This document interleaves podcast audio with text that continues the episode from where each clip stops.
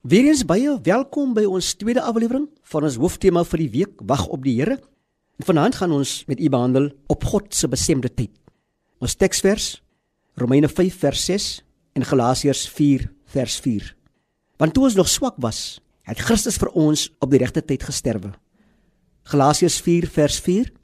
Maar toe die volheid van die tyd gekom het, het God sy seun uitgestuur, gebore uit 'n vrou Liewe luisteraar, in die Bybel kan ons sien hoe God met sy mense werk. Ons dink maar aan Noag, Moses, Abraham, Dawid, Daniel, Hanna. In hierdie voorgelese verse vertel Paulus dat Jesus op presies die regte tyd gekom het om vir ons te sterf. Paulus verduidelik ook nie hoekom dit nie die regte tyd was nie. Baie vrae kan nou ontstaan. Soos hoekom het Jesus 1000 jare gewag voordat hy na die aarde gekom het om sonde te hanteer? Het die heelal nie lank voor dit verstaan dat sonde 'n baie slegte ding was nie. Ons mag dalk vra, hoekom Jesus ook wag om die tweede keer te kom? Hoekom wag die Here om my gebed te beantwoord?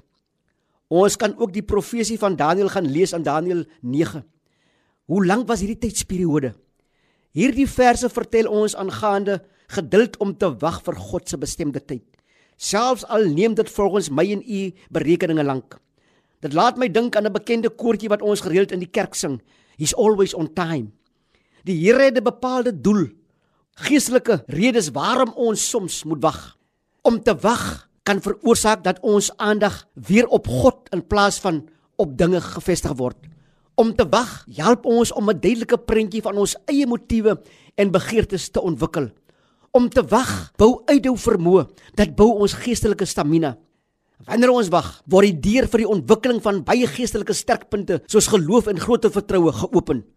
Om te wag, kan God ander stukke van die legkaart in die groter prentjie neersit wanneer ons geduldig op hom wag. Ek en u mag miskien nooit weet hoekom ons moet wag nie. En dis dan wanneer ons deur die geloof lewe. Kom ons verenig in gebed. Here baie dankie dat u magtig is om veel meer te doen as ons bereid is om geduldig op u te wag. Dankie dat U nooit ontrou aan U beloftes is nie.